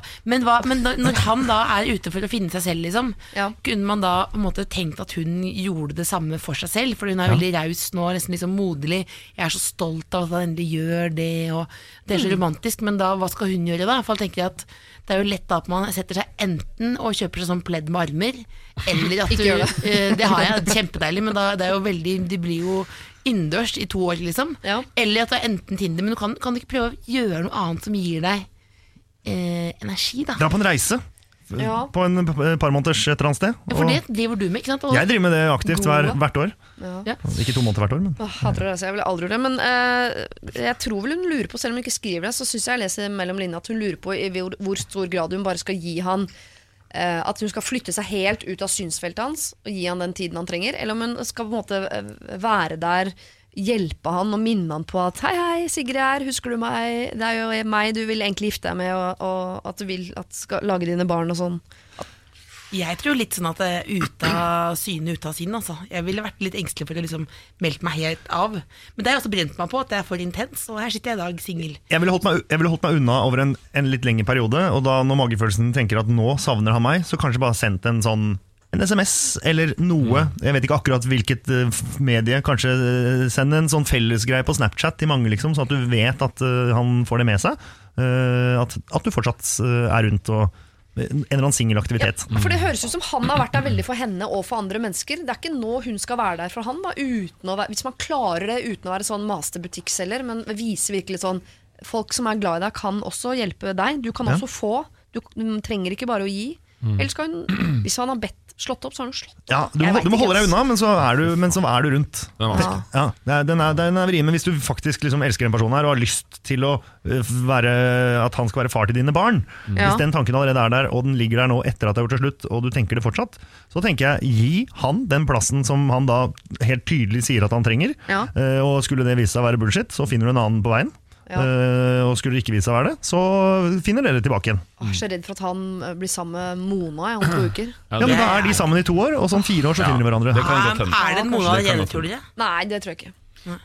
Men, det, men off, det der er så vanskelig, ass. Det, der, det er et utrolig vanskelig, og det er liksom så Hun er så, Jeg syns det er så utrolig fint og raust og stort, da. Um, men jeg bare, det eneste jeg vil si til henne, er å passe på det at raushet ikke er selvutslettelse. på en måte At du tar vare på deg selv oppi der. Fordi det er Det høres litt Jeg, jeg stoler på at du, du har kontroll på dette, men det høres også litt ut sånn Alt er bra, alt går kjempefint, og det, det er slutt, og det er ikke noe vi er bestevenner, og det går helt tipp topp, men at det kanskje ligger en noe større sorg og sånn i bånn her. Um, og den må få plass, den må få komme ut, den også, da. Det, må liksom, det er slutt mellom dere. Det er lov det å er bli sint. Det er lov å bli forbanna. Han har tatt et valg. Han har det som heter dere, paret, det har han nå valgt bort. Han har valgt der bort, og uansett hva motivasjonen er for det Det er ikke en sterk nok motivasjon å si 'jeg må ordne opp i mine egne ting', uh, og at, at du, du skal ikke nødvendigvis være så raus overfor det. Men hvis du klarer, uh, fordi når man er kjæreste, så er man jo også sine hverandres beste venner. Hvis du klarer å være den gode vennen som ser han, og som sier eksempel, si at han har hatt kanskje problemer med faren sin, eller noe farskompleks, eller annet sånt, noe, og det må ordnes opp i, fordi det har gjort han veldig emosjonell um, avstumpet, så må du være den som klarer å rette, guide han til et sted hvor han kan få ordna opp i det. Om det handler om å snakke med en, eh, en terapeut eller noe sånt. Og menn Han er ikke psykologen hans, da. Ja, men Menn er for dårlige til å gå i å snakke om følelser. Menn er for dårlige til å gå i terapi, og det kan du hjelpe han med. Men, du, jeg, men pass på din egen sorg også oppi der. Altså, ikke utslett deg selv. Pass på at de kan ikke ligge med andre mens du er sånn der eh, Peder Ja, Kjøs. og, for å, gå ut på et, på. på nytt sitat av Mart, For å gå på et nytt sitat av Martin Luther King Ja. um, a. A shoulder to cry on becomes a dick to ride on. Det var det vel 50 Cent som sa, eller et eller annet.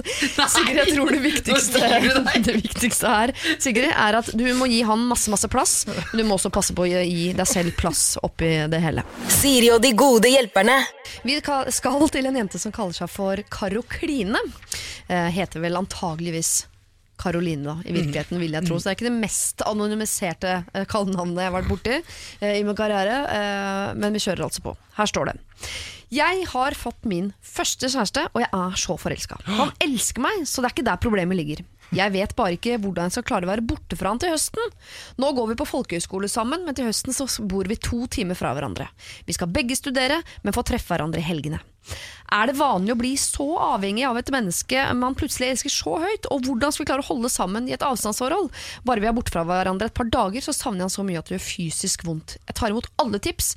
Jeg vil være sammen med dette mennesket resten av livet! Med vennlig hilsen Karo Kline. Altså, dette er den, husker dere den unge eh, Nå høres det ut som en gammel vrengt sokk, men den unge eh, kjærligheten der man fikk fysisk vondt fra å være borte fra hverandre. Ja, i hvert fall på folkehøyskole. Og din heldige gris! Karoline, gratulerer, du har vunnet livets lotteri.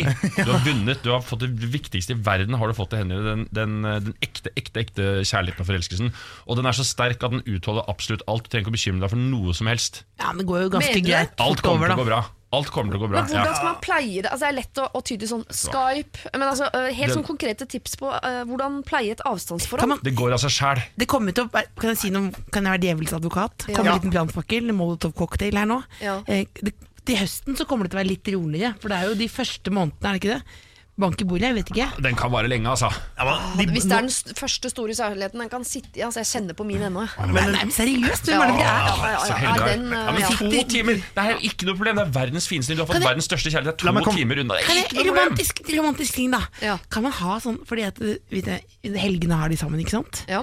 Men kan de ha sånn møtes på halvveien-greie? som Det syns jeg er ganske romantisk. Faktisk fy Onsdagene som møtes i Råde Rådet på Ja, møtes som, som er liksom en slags date Oh, på midten, liksom. Oh, man, Fordi at det, får- det får man jo til, da. Ja, ja. Om det er buss eller Ok. bil eller tog eller hva som helst. Men kan jeg skyte inn en bitte liten brannfakkel til? Ja. Eh, Det er jo at de, fordi de går på folkeskole, Nå, ja. Ja, nå. Ja.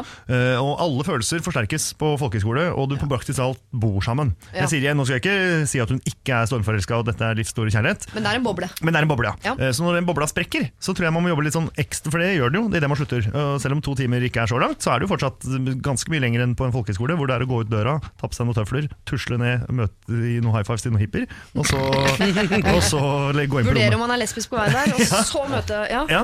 Og spise toast. Ja, så hvor- det, den, den bobla sprekker jo litt ekstra når du i tillegg har ditt livs store kjærlighet to timer unna etterpå. Ja. Så eh, jeg sier ikke at det er dødt i det hele tatt, men jeg tror nok man kanskje de første månedene må jobbe litt hardere for kanskje å ta seg eh, overraske f.eks. Ta seg en fridag eh, og komme seg på besøk. Liker det som surprise, eller er det litt sånn irriterende? Litt irriterende, men litt søtt i starten. Men dette kan være redningen også, for nå har de hatt en intens kjærlighet sammen i sånn slippers i et år.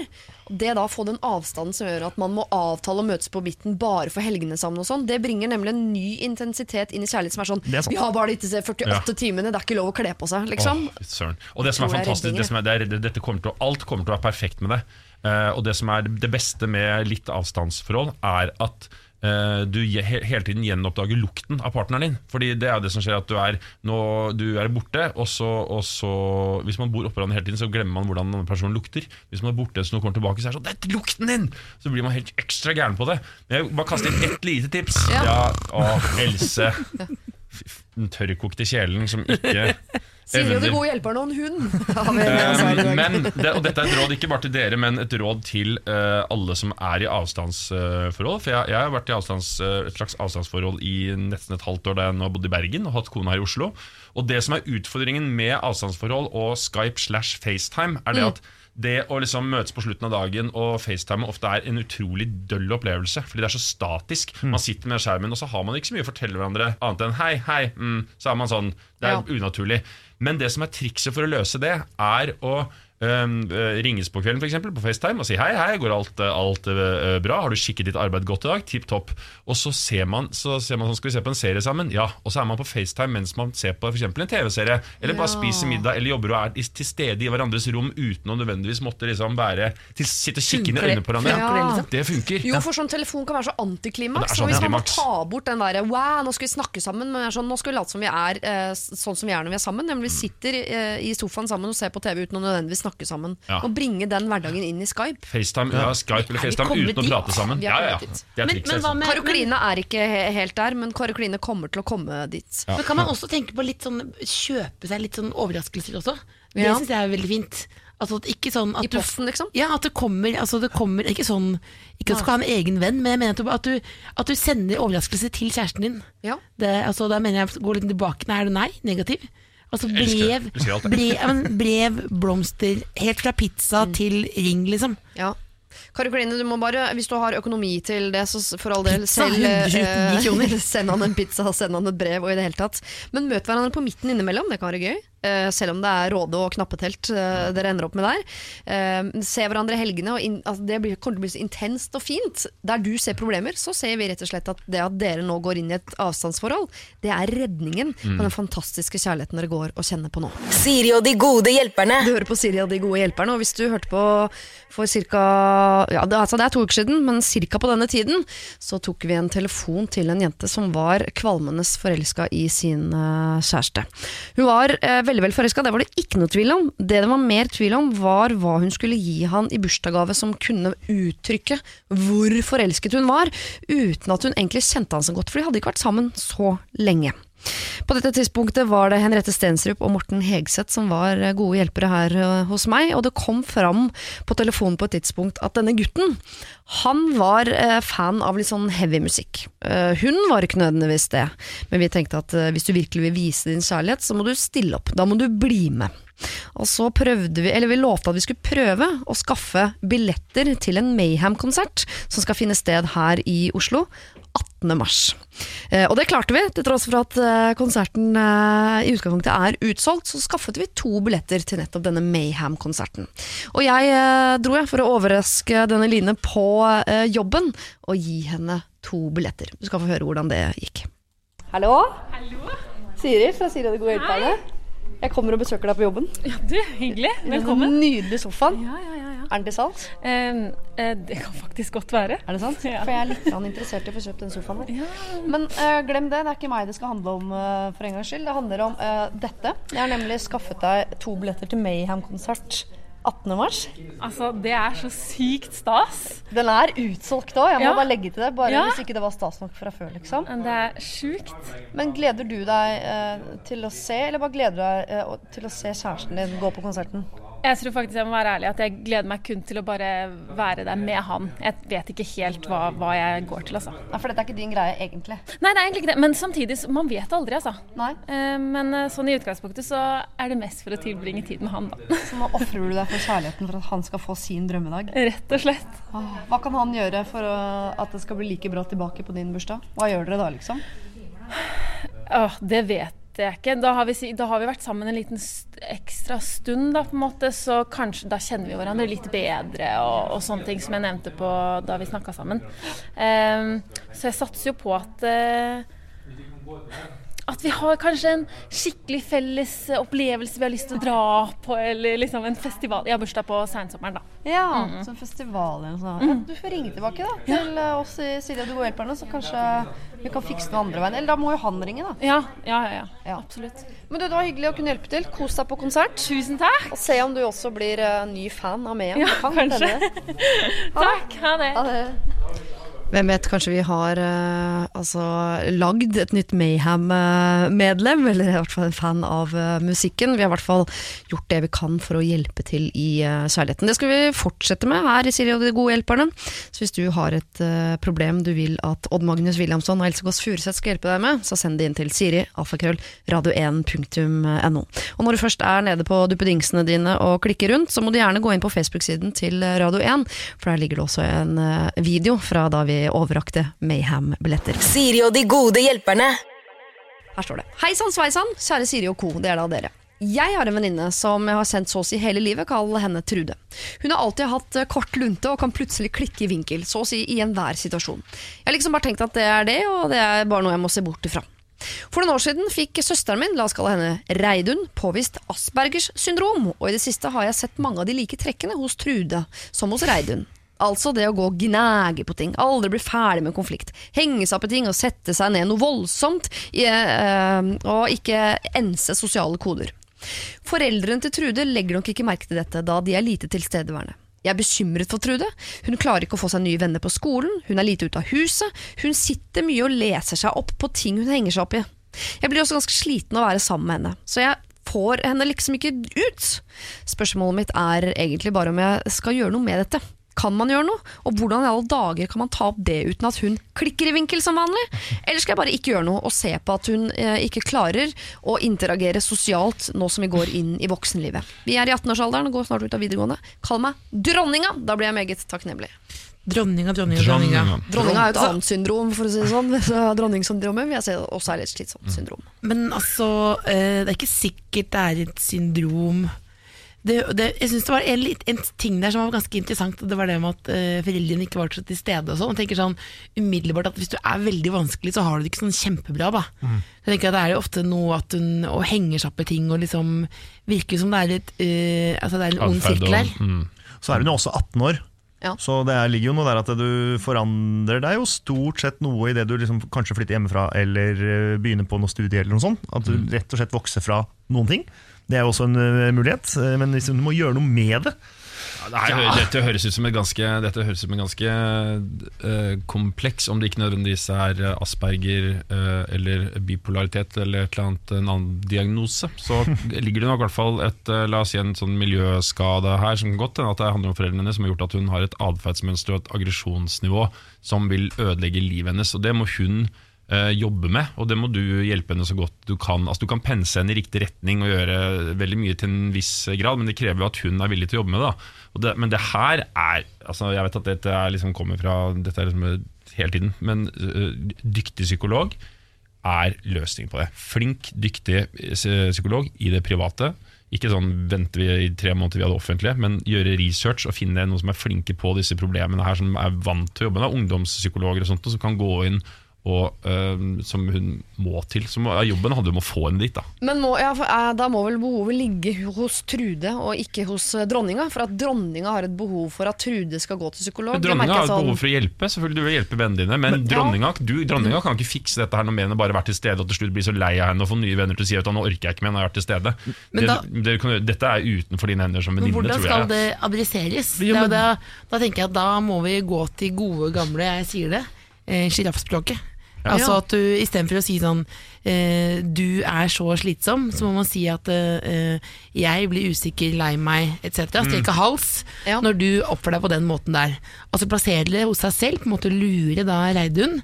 Dronninga må Altså, lure jeg blir sliten av å være sammen med deg når du klikker i vinkel over småting. Nettopp. Hvordan kan jeg hjelpe deg til å Nettopp. Men- Ja. Og adressere det som et venninneproblem tror jeg kan være løsningen. å Flytte problemet over seg på seg sjøl, liksom. Ja, for da, i hvert fall, Hun er jo delaktig i det, og så i hvert fall, da er man i gang med å begynne å jobbe med det. For det, det er jo noe som Hvis noen En ting er å ha problemer som går utover en selv, men hvis f.eks. Eh, når venner sier 'det der er veldig slitsomt for meg', Ja. da blir man jo veldig redd og vil gjøre noe med det. ikke sant? Men kanskje siden de 18, kanskje var det Trude eller Reidun? Trude? Eh, tru, Alle er ca. 18, men eh, Ja. det er dronningen, Trude som han tror har Aspergers, og Reidun som har. Ja, ja, sånn var det, ja. Eh, hvis du tar feil. kanskje, kanskje Trude og Reid, nei, dronninga går i klasse sammen, eh, eller på skole sammen. Så det går jo an å få dette, eh, altså Trude inn under et skolesystem. Der får man jo tak i psykologer og slikt litt enklere. At hun kan melde inn sin bekymring til en lærer eller Ja, det som, høres riktig ut. Altså. noen du kjenner innenfor det. Sånn. Ja, det er litt eksempel. merkelig at ikke det er tatt hvis dette er såpass Nå kan det det blåses veldig opp, men det høres også ut som ting som er litt atferds... Men ofte så er det sånn at eh, eh, folk eller, blir introverte når de er på skolen, og da gjemmer man det. Ja, men det er- men da krever det kanskje at hun snakker med Kan jeg gå og godt hørt med en rådgiver eller sånt, og lagt det fram for en skolepsykolog? Som en bekymra venninne, liksom. ja. Ja, Kanskje du, eh, dronninga skal gå til noen på skolen og eh, nærmest tipse om dette her. Og ellers som venninne så må du bare stille opp som venninne. Jeg ville vært litt forsiktig med å slenge diagnoser rundt meg på den måten. Men jeg vil heller ta tak i det. Eh, Det virker som du, du klikker litt fort. Og eh, Er det noe du er lei deg for? Er det noe jeg kan hjelpe til med å ta det fra den siden? Strekke hals, være til stede og bare være litt mer på tilbudssida enn mer den eh, jeg skal hjelpe deg, mer jeg kan hjelpe deg. Håper det går bra med deg, eh, dronninga. Håper det går bra med Trude. Og Du er fin venninne, dronninga. Ja, det kommer fra et bra sted, det greiene der. Siri og de gode hjelperne. Mail oss på siri at radio1.no. Jeg har jo sagt før i dag at uh, noen har peiling på flørting, Uh, eh, men en ting som jeg tror dere kanskje har peiling på begge to, som er et problem vi skal inn i nå, er frilanslivet. Nå eh, har dere jo rimelig sånn stabil jobb og inntekt, vil jeg tro, men dere har jo gått gjennom noen år som frilansere og kjent på det ubehaget.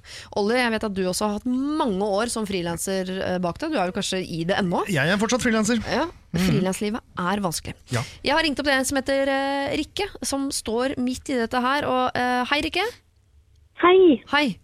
Du, jeg sitter her med meg selv, Olli som er frilanser, og, Odd Magnus Wilhelmsson og Else Furuseth som har mange år bak seg som frilansere. Og jeg forstår at du har et problem uh, tett knyttet opp mot nettopp det. Ja, eh, jeg har vært frilanser i litt mer enn et år nå, og eh, det går jo greit. Men jeg lever med en sånn konstant noia for moms og alt inn. Eh, og jeg er redd for at eh, de en dag kommer til å ringe meg og innse eller oppdage at jeg ikke har noe som helst kontroll, egentlig. Eh, jeg får litt sånn hjertebank og ganske høy puls hver gang jeg går inn på Altinn og skal betale momsen. Jeg gjør det annenhver måned. Og jeg er redd for at jeg skal registrere noe feil, og at de kanskje kommer og ringer meg og kjefter på meg, eller gir meg bøter og bokettersyn hvis jeg registrerer et eller annet feil. Ja. Eh, og så for eksempel, jeg har jo eh, Jeg bruker jo telefonen mye i jobbsammenheng, eh, men jeg bruker den jo også veldig mye på privaten. Eh, så jeg lurer jo egentlig på hvordan kan jeg skrive av telefonregning? Ja, det er veldig eh, praktiske ting du lurer på, rett og slett. og sånne ting. Ja. Vi skulle hatt det hvordan kan jeg overleve? Hvordan du kan overleve. Erik, jeg skal høre med, jeg skal høre med Odda og Else om de har helt sånn konkrete tips på det der med eh, hvordan man fører moms og telefonregninger. Det vet jeg ikke, men hvordan du skal overleve, det håper jeg de kan sitte på uh, Ja. til. Bare hold linja, så skal jeg høre her.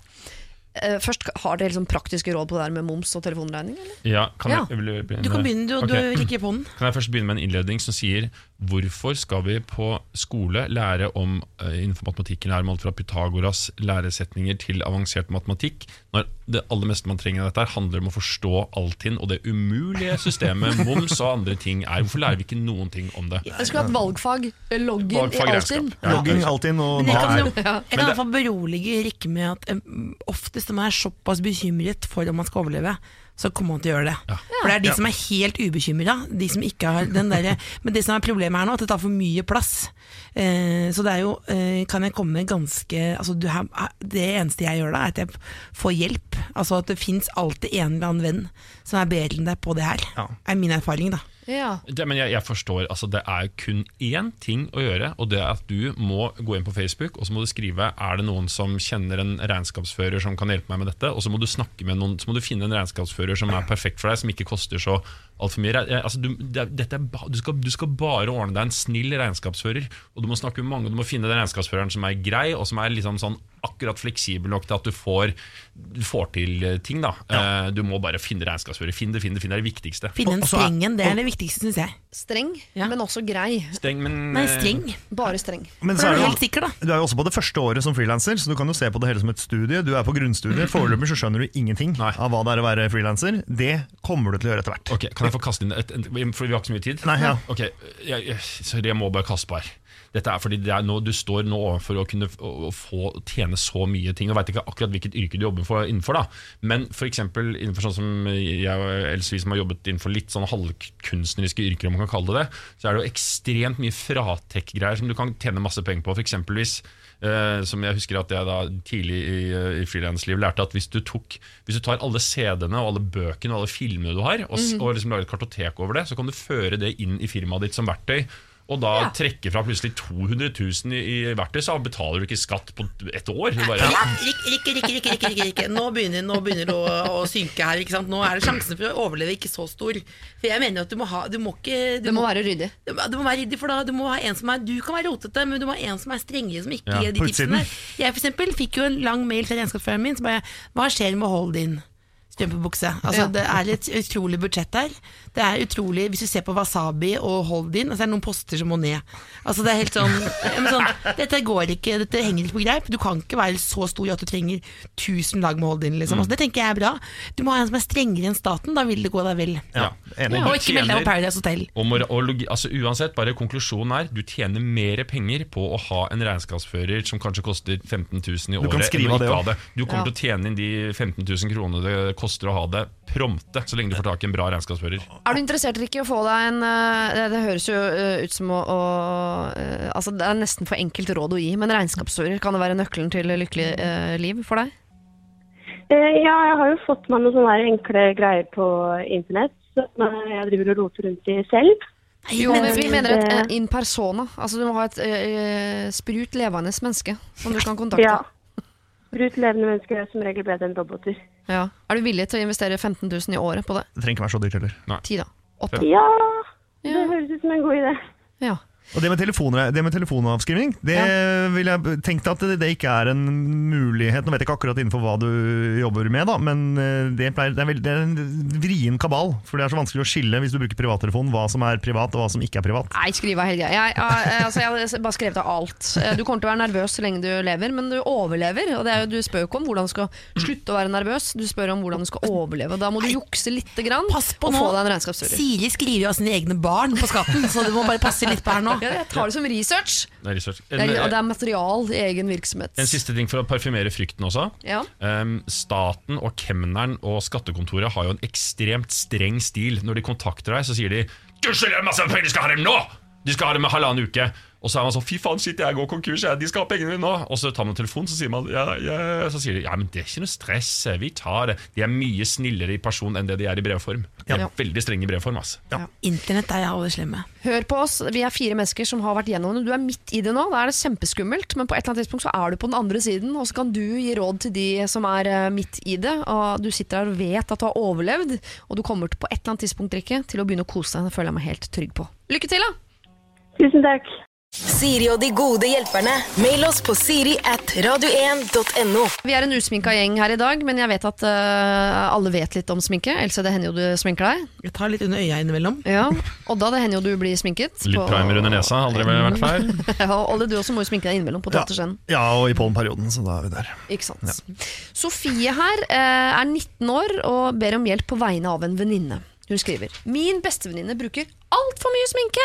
Kall henne gjerne Sminke-Guri. Hun er guloransje i huden og noen ganger nærmere grønngrå. Altså Highlighteren er som en hvit strek på kinnbeinet og overlepp på hud. Altså Det er et eh, svare strev. Når jeg går med henne på senteret, stirrer folk, og det skjer oftere og oftere at folk slenger kommentarer etter henne. Selv om det ikke direkte gjelder meg, så føles det ikke noe godt eh, når vi går sammen. Nesten hver gang navnet hennes blir nevnt i sosiale settinger, kommenteres sminkemåten hennes på en negativ måte. Jeg syns det er trist at hun får disse kommentarene, og at folk baksnakker henne. Spesielt når jeg vet hvor utrolig vakker hun er, uten all den sminken. Derfor så, eh, søker jeg sårt hjelp fra dere. Jeg har, som, jeg har prøvd å si det til henne tidligere på en fin måte, men hun går rett i forsvarsposisjon og sier det er sånn hun foretrekker å ha det, og det er dette hun kler best. Jeg føler det er umulig å trenge gjennom til henne. Så Derfor så håper jeg så inderlig at dere har noen effektive råd og måter for å få henne til å kutte ned på dette vanvittige overforbruket. Hilsen rådvill venninne, 19 år, kall meg Sofie. 19 år, ja. Ganske vanskelig, fordi Ganske vanskelig. Fordi, ja, det er ganske vanskelig å huske Når jeg ser sånn bilder av meg selv, så hadde jeg en, en periode eh, En veldig veldig, veldig spesiell sveis, for eksempel.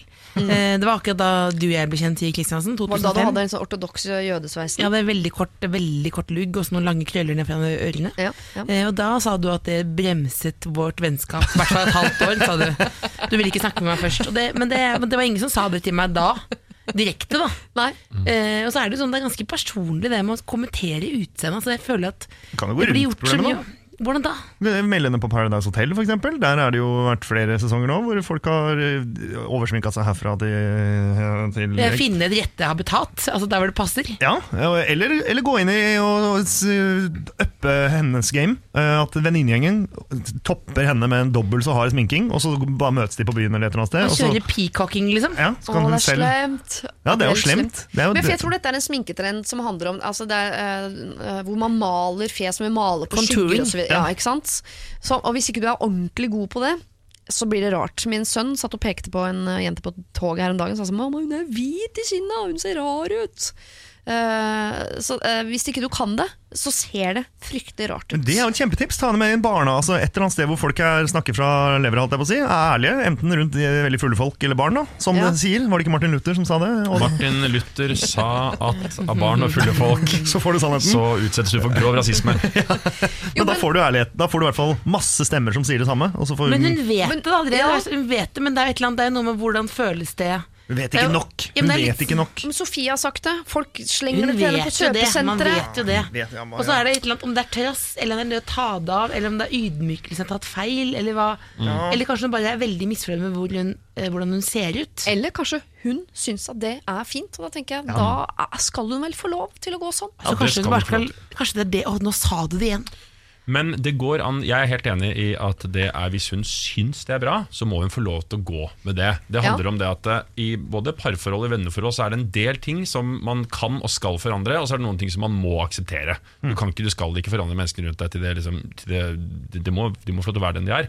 Men det fins jo en Jeg tror at det her høres ut som det må kanskje en liten sånn justering av hun venninna di inn, da. Og det eh, jeg tenker kanskje kunne vært en smart strategi, er f.eks. å gjøre litt research på sånn, sånn makeup-kurs. Det finnes sikkert noe sånn Tone Lise-akademi et eller annet sånt nå.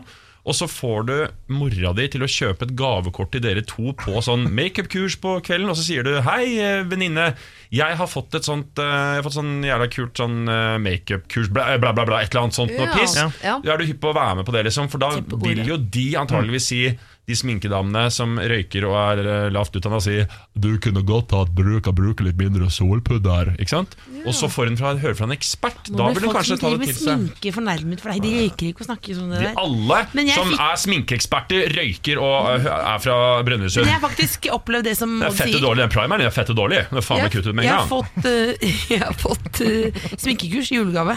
Ja. Fordi akkurat da jeg begynte å sminke meg, så gikk jeg inn i en slags sånn drag eh, Drag queen-aktig greie, liksom. Med nisseaktig kinn og veldig mye sminke. Mm. Det var veldig kommentert på rundt juletider. Eh, pappa sa det var flaut å ha med meg i kirken på julaften og sånn. Da fikk jeg et sånn kurs. Ja. Eh, Det gikk jeg ikke på, for jeg ble faktisk litt fornærmet. Skal jeg være helt ærlig. Selvfølgelig Når det kommer fra pappaen din, er det jo helt, det er jo helt grusomt. Men, men det går jo, altså jeg tenker ikke nødvendigvis at det skal forandres, men at det kan optimaliseres. Hvis hun, La oss si at hun venninna di er litt sånn, sånn 50-tallsdame som elsker å ha kledd litt sånn veldig sånn I prikkete kjole. 50-talls-ish. Ja. Ja. Og at det går an å si det er veldig kult, den stilen din er så kul, men den uh, primeren du bruker er altfor tjukk. Du, må, du burde gå for en litt lysere. Hva med denne her, ifra Mac? Den er mye bedre på det området der. At de små justeringene og kalibreringene, istedenfor Ja. liksom det store, vanskelige sånn eh, du ser stygg ut, men si kanskje en litt annen primer, kanskje noe litt lysere foundation. Hva med en eyeliner som går litt mer i, i, i tråd med øynene dine? Her kan det justeres og dirkes og lirkes, altså. Men Dette er, veldig, dette er veldig lurt, eh, Sofie. Eh, For det første, du må la, Hvis hun syns det er fint, så må du la henne få lov til å holde på. Dere har sagt fra. Folk på kjøpesenteret har sagt fra. Du har sagt fra. Men du kan jo på en måte prøve å uh, hjelpe henne i retning av noe. Så Hvis dere har muligheten til å gå på et sminkekurs, f.eks., så syns jeg dere skal gjøre det. Men gjør det med omsorg. Ikke forandre det fordi du vil at det skal se ut sånn som du syns det er fint. Det er jo hun som går sånn, og hun syns tydeligvis det er ganske fint. da Så da må hun få lov til det. Siri og de gode hjelperne. Ulver er populært å synge om for tiden. Jeg synes det, det Både den ene og den andre låta handler om ulver. Dette var Selena Gomez og Marshmallow sitt eh, bidrag. Wolves heter jo altså den. Men det er, det er mye ulver, har du lagt merke til det? Folk Ja. synger om ulv. Ja, det. Crywolf, aha. Eh, Er det den første du kom på? Wolf, let me in. Let me in, let me in. Er det det første dere kom på? Ja. det er Running with the. Wolves! Der er vi med Ja. på, ja, Ja. på merket. Dansemulver. Ja, bandet Wolf? Mother. Ja. ja, det er mye. altså. Ulvedebatten. Den har jo også Den den har, den har vært stor. Ja. Og sånn går piraten. Ja. Og sånn er det. Må nesten ha vært der, si. Nei, det var en innmari fin ålreit prat vi hadde om ulver her nå. og så- ja, det- Jeg så Jungelboken her om dagen på TV, og der er det noe uh, synging fra uh, Akela og alle de andre. Nei, Raisha og altså disse ulvene. Ja, en fin okay, film. La oss la uh, ulvene ligge. Vi skal hjelpe en som heter Solveig. Hun er 25 år, og hun hopper rett i det. Hun skriver altså Kjære dere, jeg hopper rett i det. Jeg har en av disse såkalte bæsjeposene på magen, fordi tarmen er fucked. Jeg er invitert ut på date med han jeg selv vil kategorisere som drømmemannen akkurat nå. Jeg vil ikke til sengs med han, for jeg er livredd for at han skal reagere negativt. Som de sier, been there, done that. Så, kan jeg date en fyr uten å ha sex med han første gang? Jeg bare svarer ja på det, så vi slipper å ta noen stor runde på det. Det kan du selvfølgelig. Ja. Og, hvordan, eh, og hva skal jeg si til han for å fortelle han min største hemmelighet, uten å bli avvist momentant eller ghosta i etterkant? Well, lykke til, Solveig, 25. Jo, ei. Men- ja. øh, det er jo veldig kult at hun bare skriver det rett ut til oss. Men så tenker jeg samtidig at man behøver ikke å fortelle det på første daten. Det Nei. mener jeg ikke fordi at det er noe flaut eller feil, eller sånt, men du har ikke opplysningsplikt, er det første jeg vil si. da At du må si frem alt det negative om deg selv, eller negative gåstegn. Altså alt du syns er vanskelig, da. Ja. Eller hva? Ja. på ingen måte. Du trenger ikke å bli flau for at du kaller det for eh, negativt. Jeg, jeg tror på en måte Det er jo ikke Nei, ikke blir ikke flaut, men jeg bare Jeg- jeg tenker at det er vanskelig å ha et bedre ord. Ja. Jeg liker å sammenligne mine fleste tanker med filmen Matrix. Ja. Uh, sånn, uh, der, Jeg er spent på hvilken scene vi skal inn i. Er det vi skal fram til når, når Neo, når plutselig verden blir uh, Hva sa du? Neo the One. The one ja. Ja. Når, han når verden blir til tall. Han ser plutselig alt i klartekst. å si. Ja. Eh, han skjønner alt. For å putte det i et lite perspektiv, når, den, når du har lyst til å si det, det kommer til å dukke opp naturlig i samtalen så lenge du ikke velger å utsette det. Den første gangen du får impulsen til å fortelle det, da, det tror jeg er riktig tidspunkt å fortelle det. Sånn, Ja! Om det så er første date, andre date, tredje date. Når dere kommer liksom, dere har funnet tonen. Antageligvis så er det ikke det første du sier. Hvis du 'hei, jeg heter det jeg heter', og så 'forresten, har du sett denne?' så er det, vil jeg tro at det kanskje er for tidlig. Ja. Eh, For det er ikke, men hvis det føles helt riktig å gjøre det sånn, kanskje det er helt perfekt. Det var Altså nydelig første, første. gang du får behov for å si det, så skal du si det. Ja. Da skal du ikke vente til eh, Fordi det kommer ikke til å komme et øyeblikk hvor, sånn, ah, det, ah, du, hvor du ikke gruer deg. Nei. Så hvis det er bare gruinga som stopper deg fra å si det, Så bare si så skal det, du si det. Nå, I det øyeblikket du får sånn 'nå burde jeg ha sagt det', da burde du ha sagt det. Så du, si det med en gang. Men hva når du føler for det. si det med en, Hvis du hadde vært på date uh, Odda, med Mm. en dame, og hun hadde bare sagt som det, som det første, da. Mm. Hvis, hvis det første du hadde sagt var hei, eh, hei, så hyggelig å møte deg, ja, hei, ja, ja, vi si, jeg har stomipose, så hadde jeg kanskje tenkt at du er veldig lite sosial eh, intelligent, og at jeg hadde ikke noe lyst til å henge med, for det, ikke, det er ikke noen måte måte, som mennesker snakker i det hele tatt. Men hvis jeg kan si en ting til Solveig, Ja. ut ifra hvordan du formulerte det, problemstillingen din, så høres du både uh, smart, gøyal, kul og sjarmerende ut. Og hvis det er noe gutter syns er mer viktig enn nødvendigvis på en måte kroppsfunksjoner, så er det jenter som er smarte, kule og gøyale og sjarmerende. Så man kan henge med dem og ha det gøy med dem. Eh, de aller fleste mennesker har skavanker og saker og ting og et og annet som eh, ikke funker. Eh, Men hvis du har, eh, er så heldig at du er smart, gøyal, sjarmerende og kul, så greier du som regel å, å komme deg fram. Da. Jeg tenker at dette her er at du må bare stole på deg. Og det kan godt hende at du møter ti dates hvor ni av dem syns det er turnoff at du har stomipose og ikke henger med deg de er antageligvis mennesker du ikke hadde hatt lyst til å bli sammen med uansett. Du må finne det mennesket som syns du er kul og fet og smart. Smart, gøyal, sjarmerende, kul. Smart, gøyal, sjarmerende og kul. Det er og så jo deg, mennesket- det, da. Ja, det er meg, det. Så eh, Solveig, kan ikke du jeg, Du finner meg på uh... Nei, nei, nei, du er gift! ja. Men også er det veldig Og så er det selvfølgelig alt som er uh, Og det er klart det er vanskelig når det kommer til noe som er såpass så Særlig stomipose er liksom det, det er veldig Jeg skjønner at det er liksom jeg vet, klarer ikke å finne så mye annet ord enn skam. At folk skammer seg litt eh, over å ha det. Og det som jo ofte hjelper med det, er jo selvfølgelig å ta brodden av det ved å tulle om det og vitse om det. Og ha, ja, prøve å liksom, spa opp all den sjølironien du kan ha det. Hvis å si liksom ja, jeg har eh, stomipose, eller jeg er en slags, øh, øh, en slags vandrende pinjata-dokke. Hvor hvis du slår meg altfor hardt, så er det ikke så farlig. Så kommer det ikke godteri ut Ja, det er nødvendigvis. sånn, det kommer ikke godt ut, liksom, men, øh, men det, så er det veldig mye positivt. Ja, ikke sant? Kan jeg få fortelle det? For jeg må innrømme at jeg, er tidlig i livet så hadde jeg ganske mye eh, Ikke fordommer mot stomipose, men jeg, jeg, da var jeg en av de som sånn, «Øh», For da hadde jeg sett en Uh, sånn, uh, alkoholisert, overvektig mann som ofte lå og sov i Bjølsenparken, der jeg er oppvokst. Altså jeg er ikke oppvokst i parken, men ganske tett ved. Han lå inni busken der Han lå på en benk på bussholdeplassen og venta på Eller jeg vet ikke om han venta på buss, antageligvis ikke. Han lå og sov der, i hvert fall, på benken.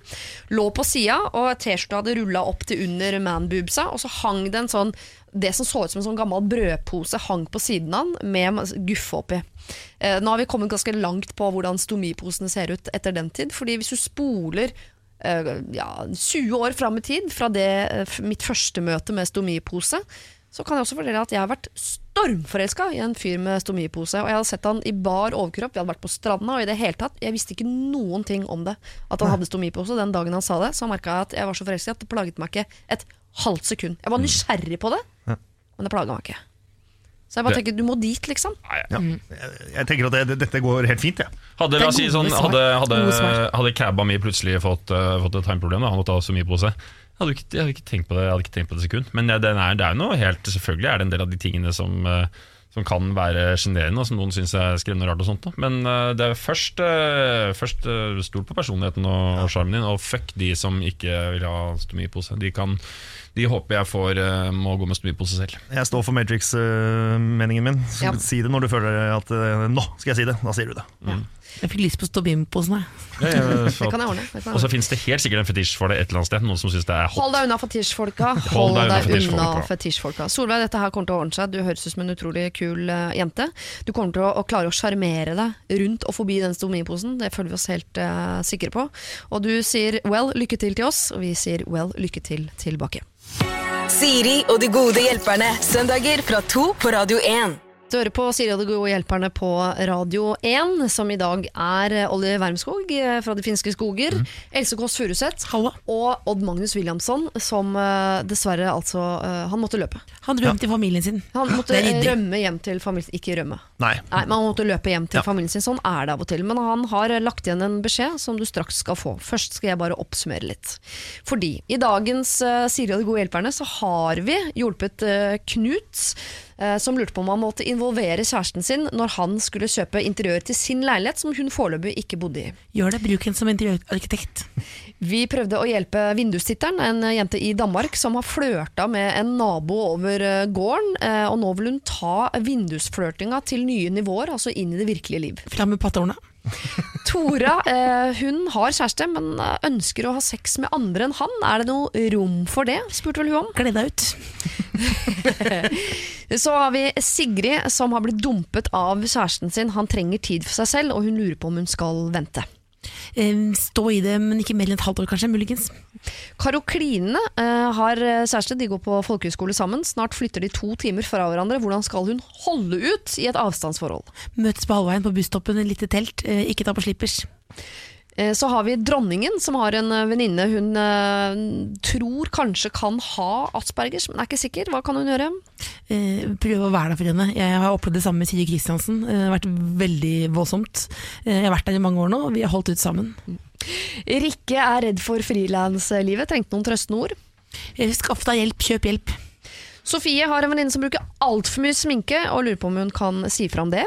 Eh, La hun være som hun er, eller sminke deg enda mer, så får hun se hvordan det føles å gå ved siden av. Ja, Det rådet var ikke jeg helt enig med. Det er greit. Vi får la det slippe igjennom. Og så har vi Solveig som har eh, stomipose på magen, og lurer på når det er riktig timing å si det til folk hun er eh, på date med. Du er smart, kul, gøyal og fet dame.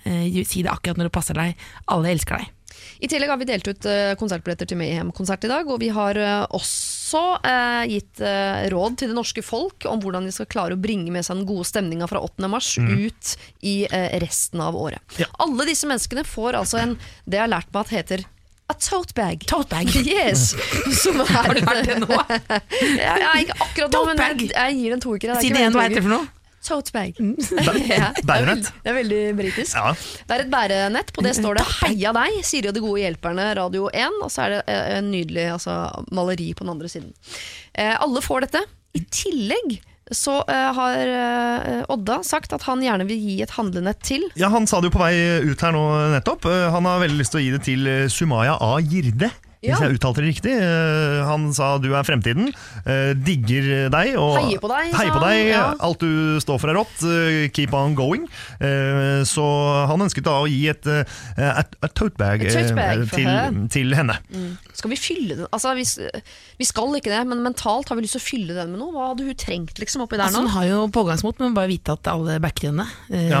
Og det håper, jeg, det håper jeg hun vet. Altså, nå er det alle fra Erna til Odd Magnus Wilhelmsson og backer og står bak eh, Sumaya. Fylle det med backing. Jeg vil fylle med bitte små papirlapper hvor det står 'Heia deg', hilsen altså Erna, Odda osv. Nei, det er jo veldig skal ikke irriterende. gjøre da. det, men altså- Mentalt gjør vi det. Ja. Mentalt, ja. Mentale lapper. Jeg sender med en sjekk, da. Det er Radio 1. Ta med en sjekk, 100 000. Hva skal jeg bruke de lappene til, da? Herregud. Ja, er Kan jeg altså gi et nett til noen, eller er det bare Odda? Absolutt. Det er ikke bare kan du, du skal. Ole, ole, ole, Olemic. Uh, han kan få en tote bag uh, Ja. som han kan ha uh, arbeidssøknaden sin i. Det trenger jeg. Olemic Thommessen, ja, som nå er arbeidsledig, um, han får handlenett med Hva sa du? CV-en sin oppi? Ja, han, han, kan, nei, den handler det, han, det, Jeg slenger på en hundrings, jeg. Altså Nå har han ikke en lanke nede i statskassa lenger, så nå slenger jeg på en hundrings. Ja. Jeg vippser over rett og slett der.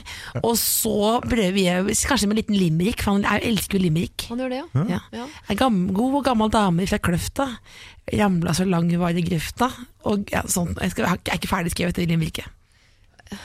Hvor by, hvorfor begynte du der? Både Limerick er et så rart sted. Og, og Var det- var det en gammel dame fra Kløfta skulle tro du begynte med noe Byggeskandalen som gikk skeis. Altså, nei, nei, nei, men det var fordi at det er eneste limericken jeg kan. Da. Fordi, ja. for jeg, Det var veldig populært med sånn Romeriks i Romeriks blad før, og da var alle fra Kløfta. Altså, du tok Ja. en som faktisk eksisterte? Nei, nå, går, nå går jeg hjem snart. Går, går hjem. Det er søndag. Det er søndag. Ok, det, Vi sender ut altså en bunke med totebags eh, fra Siri og de gode hjelperne i dag. Ikke le hva jeg jeg sier det ordet, det kommer til å bli så slitsomt for deg. Else. Hva heter den? Eh, vi er tilbake om en uh, uke, så hvis du har eh, et problem du vil at uh, mine gode hjelpere skal løse for deg, så sender du det inn. Da er det Siri, alfakrøll, eh, radio1.no som gjelder. Takk for i dag, Else. Får jeg komme tilbake en annen gang? Absolutt, du kan komme hver søndag hvis du vil. Ikke si noe du ikke kan love. Ja, det er sant. Innimellom, da. Jeg ringer deg, jeg. ikke ring meg. Takk for i dag, Olli. Takk for i dag, Siri. Ha det. Siri og de gode hjelperne.